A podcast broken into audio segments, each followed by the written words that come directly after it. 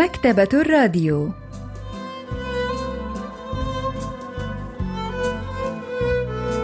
أهلا وسهلا بكم في حلقة جديدة من البرنامج الأسبوعي مكتبة الراديو الذي نستعرض من خلاله كتابا جديدا كل أسبوع.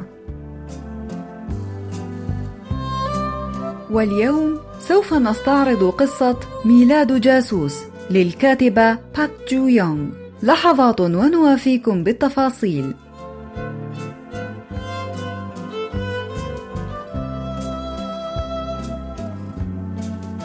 ظللت نائما لمدة موسمين وحين صحوت من نومي وجدت خمسة عشر عاما من الذكريات قد اختفت تماما من مخي. لم أستطع أن أتذكر وظيفتي أو شخصيتي. من يستطيع أن يخبرني عن الشخص الذي كنته؟ وكيف أقدر ما إذا كان الشخص الذي يصفونه هو أنا بالفعل أم لا؟ كنت أحيانا أشعر أنني لا أزال أحلم. استمر هذا حتى اكتشفت أنني جاسوس. نشرت قصة ميلاد جاسوس عام 2009 وهي تدور حول ذكريات رجل وهويته. والبطل هو السيد كي الذي وقع في غيبوبة حين كان في الخامسة والثلاثين من عمره وأفاق بمعجزة بعد ستة أشهر قضاها في العناية المركزة.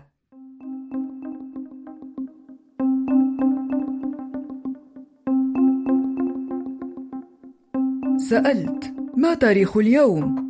آخر تاريخ أتذكره هو يوم في أكتوبر قبل خمسة عشر عاما من الآن. كنت في التاسعة عشرة من عمري وكنت في المدرسة الثانوية.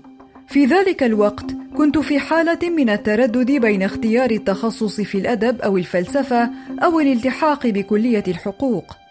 إذا صح التاريخ الذي يخبرني به الطبيب الآن فهذا يعني أنني في الخامسة والثلاثين من عمري. لقد أخبرني أنني قضيت ستة أشهر في غيبوبة تامة لكنني أشعر أنني فقدت الوعي لمدة خمسة عشر عاما. سألته هل تواصلتم مع والدي؟ قال الطبيب يؤسفني أن أبلغك أن والديك قد توفيا بما أنني لا أذكر أي شيء عن وفاة والدي فهذا يعني أنهما توفيا خلال الخمسة عشرة عاما السابقة. لم أشعر بأي شيء حيال وفاة والدي التي لم أتذكرها هل أصبحت شخصا عديم المشاعر لا يشعر بالحزن أو الألم؟ سألت إذا من كان يعتني بي؟ لقد توفي والداي ولم يكن لدي إخوة هل تزوجت؟ أين زوجتي وأطفالي إذا؟ لا لا أظن أنني لدي أي أسرة بدأت أتفكر في حياتي قال الطبيب صديقتك لم يكن لي زوجة إذا لأن مهمة العناية بي كلفت بها صديقة لكن من تكون؟ من تكون تلك الصديقة التي ذكرها الطبيب؟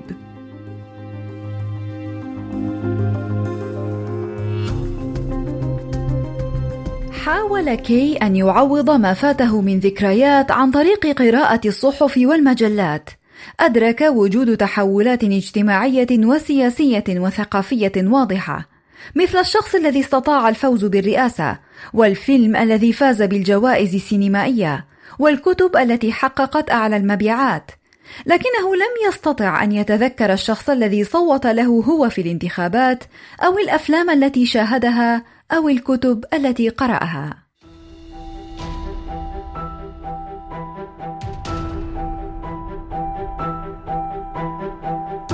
مرت ثلاثة أسابيع منذ إفاقة السيد كي من غيبوبته، لكنه لم يستطع أن يتذكر ما حدث له بعدما بلغ سن العشرين.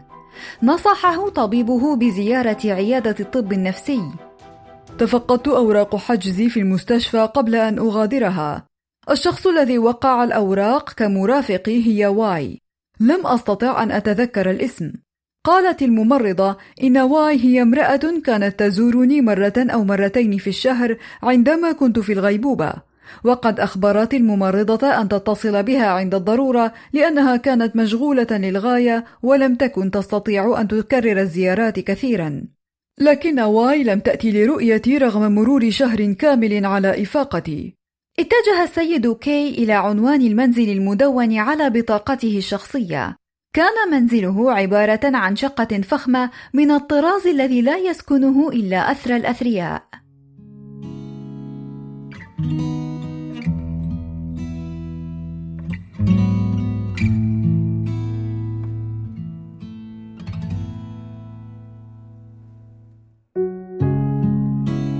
لا بد أنني لم ألتحق بكلية أحلامي وإلا لما استطعت أن أتحمل تكاليف هذه الحياة الباهظة رحت أتخيل حياة صاحب هذه الشقة وكأنني أدخل حياة شخص آخر. كانت هناك ثلاث غرف غرفة نوم ومكتب وغرفة للملابس. أول ما رأيت في غرفة الملابس هو مجموعة من البدل الرسمية الكلاسيكية المصنفة حسب اللون بماركات مثل أرماني كوليتسيوني وإرمينيجيلدو زينيا وهيوغو بوس وغيرها. ثم لفتت الساعات الفاخرة الثمينة نظري بعد ذلك. من بين أكثر من عشرين ساعة استطعت أن أتعرف على خمسة فقط. ساعة الرولكس وساعة الأوميغا الخاصتين بأبي وساعة بياجيت وكارتير وشانيل الخاصة بأمي. هنا فقط أدركت أن والداي قد ماتا حقا. إذا كان على قيد الحياة لما استقرت ساعاتهم المفضلة في منزلي. سرت إلى حجرة المكتب. كان هناك جهاز حاسوب عادي وآخر محمول على مكتب كبير بالإضافة إلى رفوف كتب حملت الكثير من الملفات خلف المكتب مباشرة. كانت رفوف الكتب الموجودة على اليمين تحمل كتبا تتعلق بالاقتصاد والرفوف الموجوده على اليسار كانت تحمل كتبا عن الأدب والفلسفة. وفي المنتصف كانت هناك عدة دفاتر مذكرات. أخذت بعضها لأقرأه. لكنها لم تكن تحوي سوى جداول أعمالي ومهامي. كانت الدفاتر تظهر المهام التي فعلتها في أوقات محددة، لكنها لم تعطني أي لمحة عمن أكون. تفقد كي شهادات تخرجه وبطاقته الشخصية، فعلم أنه عمل كمحلل اقتصادي في واحدة من أكبر الشركات في المجال، واستنتج مما حوله أنه ليس متزوجًا. حفظ بيانات الشركة التي يعمل بها والمعلومات الخاصة بزملائه في العمل قبل أن يتوجه إلى مقر عمله. لم يكن زملاؤه يعرفون أنه كان في غيبوبة، لأنه كان قد ترك العمل قبل ذلك. قابل رئيسه السابق في العمل الذي أثنى على مستواه الرائع ودعاه إلى العودة إلى الشركة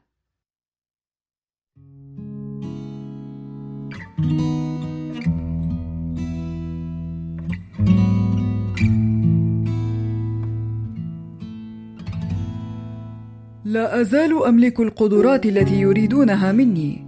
كنت أستطيع أن أواصل العيش وكأن شيئا لم يكن، لكن لماذا لا أزال أشعر بالخواء؟ أين هي ذكرياتي الضائعة؟ يجب أن أجد شخصا يتذكر كل الوقت الذي ضاع مني حتى أستطيع أن أجيب على هذه الأسئلة. وحتى لو لم أجد ما أريد فيجب أن أتأكد أولا أن الإجابات التي أبحث عنها ليست موجودة بالفعل. شعر كي بارتباك كبير حيال ذكرياته الضائعة وهويته الحالية فقرر أن يتصل بواي المرأة التي سجلت كوصية عليه في المستشفى قال لها هل يمكنني أن أقابلك؟ لماذا؟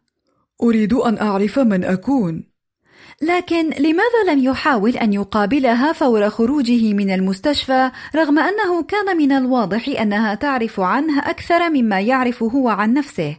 البروفيسور بانغ مينو أستاذ الأدب الكوري بجامعة سيول الوطنية يشرح لنا السبب. 자기에 대해서 말해줄 수 있는 유일한 사람인데 그런데 어, 자기는 기억 상실 상태에 있기 때문에 كانت واي هي الوحيدة التي تستطيع أن تخبره عن هويته. كان قد فقد الذاكرة ولذلك لم يكن يعرف أي شيء عن نفسه أي أنه كان رجلا بلا هوية. لكنه يعني اعتمد على واي في محاولة التعرف على حياته. فهذا يعني أنه قد لا يعرف عن هويته وماضيه إلا ما تراه واي وتقصه عليه فقط. وكان كي يرى أن حريته كرجل بلا ذكريات قد تكون حرية مذبذبة غير آمنة. لكنها قد تشكل حاضرا أفضل من الماضي الذي قد يكون مؤلما أو تعيسا سألته قائلة: هل يعني هذا أنك لن تسترد ذاكرتك؟ قد أستعيدها وقد لا أفعل. ألا تتذكر من أكون؟ أنا لا أتذكر حتى من أكون أنا. بدأ كي في سؤالها عن الأشياء التي كانت تزعجه.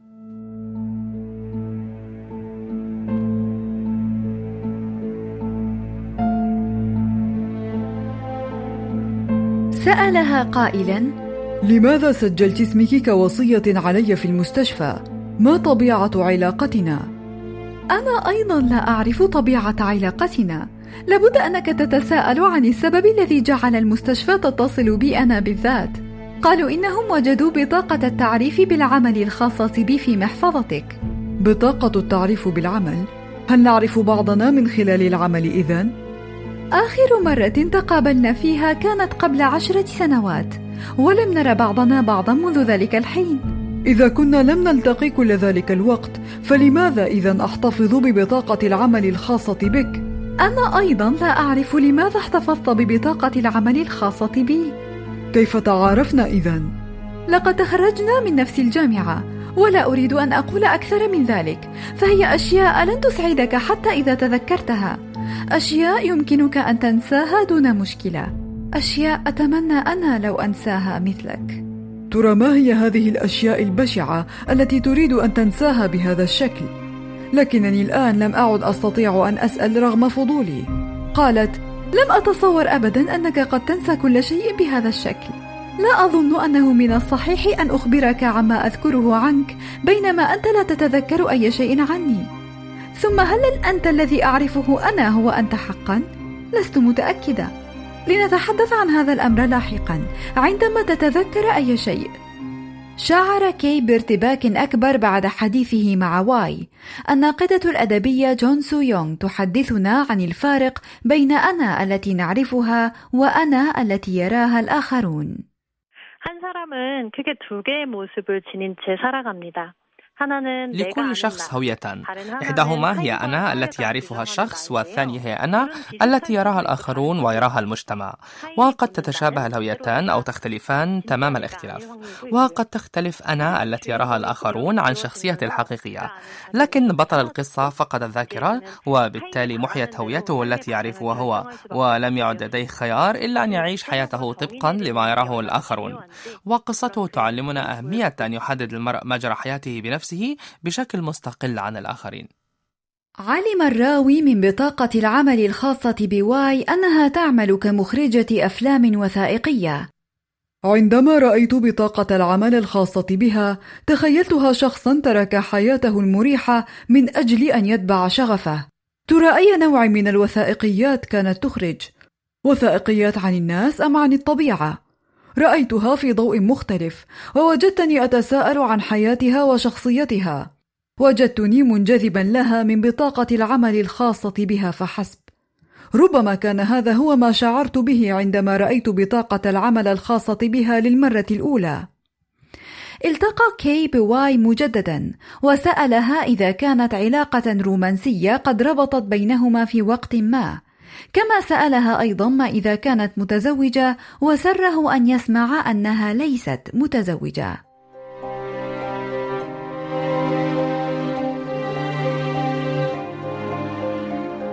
سألها: ما أخبار العمل؟ ماذا تفعلين في العمل بالضبط؟ أرجو ألا تظن أنني مايكل مور أو ما شابه. ولم لا؟ لأنك كنت ستفكر في هذا بالتأكيد إذا لم تكن قد فقدت ذاكرتك. ماذا أفعل بالضبط؟ مم. أتتبع الناس الذين هم محط حسد العالم أجمع بسبب ما حققوه من نجاح باهر الناس الذين لا يستسلمون للفقر أو المرض أريد أن أرى بعض أفلامك في يوم ما لم أصور أي فيلم من المثير للشفقة ألا يحقق شخص في مثل سني أي إنجازات بعد صحيح؟ بدا أن واي تندم على الوظيفة التي اختارتها قالت إنها كانت ساذجة للغاية فيما يتعلق بالعالم وإن الفجوة بين العالم المثالي والعالم الواقعي كانت تعذبها. عندما كانت تتحدث عن هذه الأشياء كانت تبدو أكبر سنا أو بالأحرى كان يبدو عليها سنها. أريتها الصور التي جلبتها. قالت لدي هذه الصورة أيضا كلنا لدينا هذه الصورة. لم أفهم من كانت تعني بقولها كلنا. قالت لم أكن أعرف كيف أصفك في ذلك الوقت. سوف أخبرك بما كنا نقوله عنك وما كنت أنت تقوله عنا. سمعت وصفها لشخصيتي قبل عشرة سنوات. إذا كان الإنسان هو حاصل كل ذكرياته فيجب أن أجد شخصا ما يملك كل هذه الذكريات. شخصا يتذكرني لكنها ليست ذلك الشخص. فهي تتذكر من كنته منذ عشرة سنوات فقط. وربما غيرتني تلك السنوات العشر تماما. ربما يكون ما تخبرني به هو الحقيقة لكنها حقيقتها هي. كان هناك فيلم عن امرأة ما تعيش نفس اليوم مرارا وتكرارا وتقع في حب الرجل نفسه من جديد كل يوم. وكان هناك فيلم آخر عن رجل فقد ذاكرته قصيرة المدى وملأ جسده بوشوم تذكره بقاتل زوجته. كما صور فيلم آخر قاتلا مأجورا يعيش حياة هادئة كزوج سعيد بعدما فقد ذاكرته. كلهم فقدوا ذكرياتهم بشكل أو بآخر لكن شخصا ما تذكرهم ولم يتخلى عن مهمة البحث عنهم ولذلك وجدوا هوياتهم الحقيقية في النهاية. بعد عدة أيام تواصل رجل ما مع كي مدعيا أنه رئيسه في العمل. طبقا لما قاله الرجل كان كي عميلا خاصا يعمل لحساب منظمة سرية. طبقا لما قاله كان كي جاسوسا. قال له الرجل نحن منخرطون في حرب صامتة. إن معدلات الصرف وأسعار الأسهم تتقلب بعنف وهناك شائعات حول أزمة اقتصادية أخرى. قلة قليلة فقط هم من يدعمون حزبا سياسيا واحدا أو يعارضونه على طول الخط. وآراؤهم لن تبدل هذا العالم. فالعالم يتغير فقط عندما يتحرك أمثالنا. وإذا أردنا ألا نضع العالم في خطر فيجب ألا نتغير. ونحن نريدك أن تبقى وسط هذه الحرب الصامتة حيث تنتمي. أعطاه الرجل الذي ادعى أنه رئيسه ملفا يحتوي على معلومات وفيرة عنه وأخبره أنه يجب أن يعود إلى المنظمة.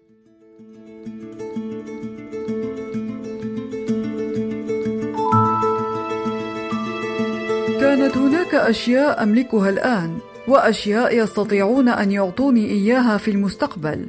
شقة فاخرة بضائع من أشهر الماركات بطاقات سوداء عديدة وعضويات في نواد مختلفة ماذا فعلت بالضبط لأستحق كل هذه المزايا؟ لابد أن أنا الحالي قد شكلته خيارات لا حصر لها لكن الأشياء التي حققتها لم تختفي على خلاف القرارات والخيارات التي انمحت من ذاكرتي تماما بعد عدة أيام التقى كي بواي التي كانت على وشك السفر لتصوير فيلم عن أطفال يعيشون في حالة من الفقر. كانت في حالة من الصراع لأنها كانت مضطرة للعمل كي تكسب المال، لكن عملها لم يكن يمت بأي صلة لما كانت تريد أن تفعله في حياتها.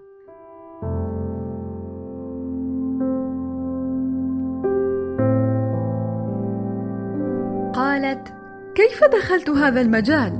لا أستطيع أن أغير أي شيء وحدي بل لا أستطيع حتى أن أكسب ما يسد رمقي في بعض الأحيان. كل ما أستطيع فعله إذا واجهت موقفا محيرا هو أن أغمض عيني وأتظاهر بأنني لم أر شيئا رغم أنني أعرف جيدا أن هذا لن يجعل المشكلة تختفي. كم أتمنى لو فقدت الذاكرة مثلك؟ ماذا ستفعلين إذا فقدت الذاكرة؟ سأبدأ كل شيء من جديد. قد تكون فرصة مثالية لميلاد جديد. فحينها لن أعرف أي شيء عن اليأس أو الإحباط أو المستحيل. وما هو المستحيل الآن؟ العودة إلى ذلك الوقت الذي كنت رائعة فيه. أنت رائعة الآن. كاذب! أنت لا تعرف حتى كيف كنت حينها. أستطيع أن أتخيل. فأنت لم تصبحي أنت الحالية من العدم. هل تريدينني معك؟ هل لدي خيار؟ هل من الممكن أن أعيش حياة جديدة كشخص آخر كما تقول هي؟ ربما أستطيع. ربما أستطيع أن أصبح شخصا أفضل. شخصا كنت أتمنى أن أكونه رغم أنني لا أستطيع أن أتذكر الآن. في اليوم المحدد لسفر واي ذهب كي إلى المطار في الصباح الباكر.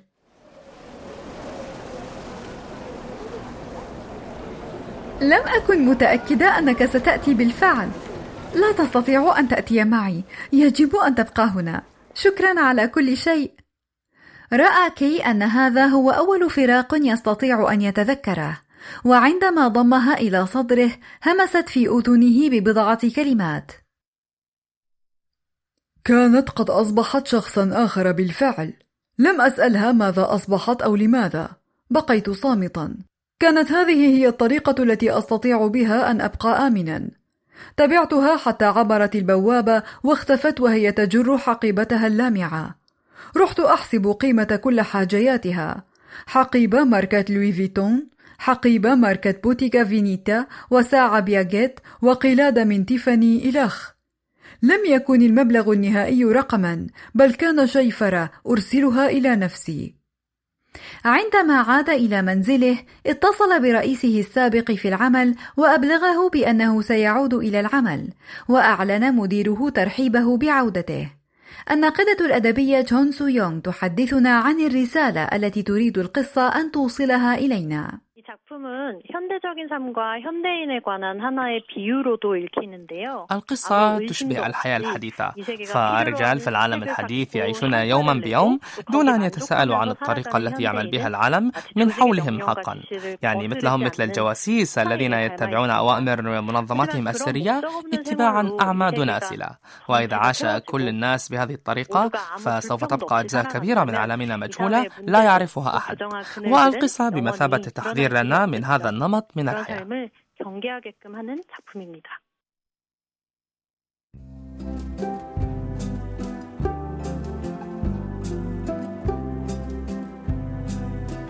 استعرضنا معا قصة ميلاد جاسوس للكاتبة باك جو يونغ وإلى اللقاء في الأسبوع القادم مع كتاب جديد ومبدع جديد.